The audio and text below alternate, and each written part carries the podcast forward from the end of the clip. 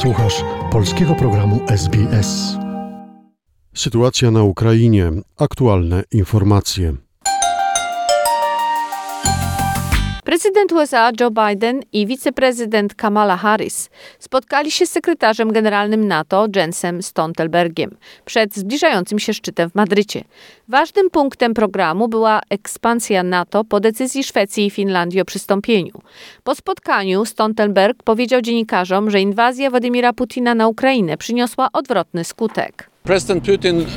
Prezydent Putin chciał mieć mniej NATO i dlatego napadł na Ukrainę, ale zyskuje więcej NATO z większą obecnością NATO we wschodniej części sojuszu, a także z większą liczbą członków i decyzją Finlandii i Szwecji o ubieganiu się o członkostwo.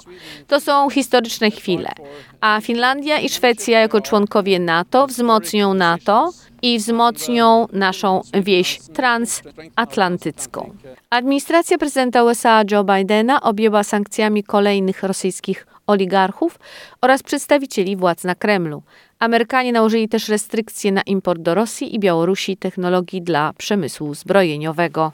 Prezydent Wołodymir Żeleński powiedział, że ukraińska armia odniosła pewne sukcesy w walkach z Siewierodoniecku, ale jak zaznaczył, jest za wcześnie, aby szerzej o tym informować.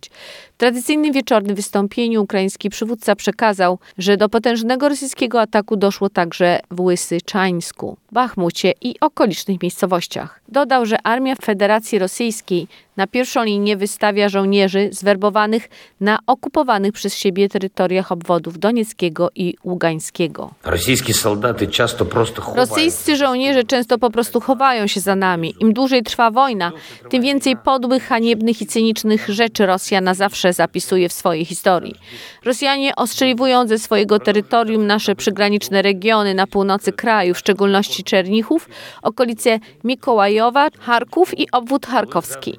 Tymczasowo okupowane terytoria naszego państwa to teraz strefa ciągłej katastrofy, za którą pełną odpowiedzialność ponosi Rosja. Silną katastrofę, za jaką Rosja niesie pełną odpowiedzialność. Prezydent Ukrainy Wołodymyr Żeleński podziękował amerykańskiemu przywódcy Joe Bidenowi za zapowiedź dostarczenia systemów amunicji. Jak podkreślił, uzbrojenie, którego armia otrzyma od Stanów Zjednoczonych, pomoże ocalić życie ludzi i chronić ukraińską ziemię.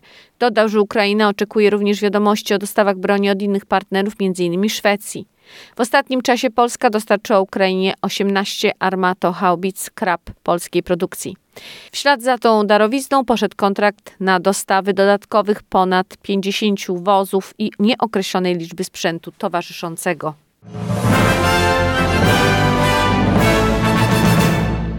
Prezydent Andrzej Duda wyraził nadzieję, że Ukraina w najbliższym czasie otrzyma statut państwa kandydującego do Unii Europejskiej. Czas, żeby Zachód otworzył dla niej ramiona, powiedział po spotkaniu w Warszawie z szefową Komisji Europejskiej Ursulą von der Leyen i premierem Mateuszem Morawieckim. Dziękuję pani Ursuli von der Leyen, pani przewodniczącej, także i za wsparcie Ukrainy w jej drodze do statusu kandydata w Unii Europejskiej. Wierzę w to, że ten status zostanie Ukrainie przez tych, którzy zasiadają w Radzie Europejskiej w najbliższym czasie przyznany. Jest to niezwykle ważne. Materiał opracowano na podstawie doniesień Newsroomu SBS oraz informacyjnej agencji radiowej. Zainteresowało Cię? Chcesz usłyszeć więcej? Słuchaj nas na podcastach dostępnych w Apple Podcast, Google Podcast czy Spotify lub w jakimkolwiek innym, który używasz.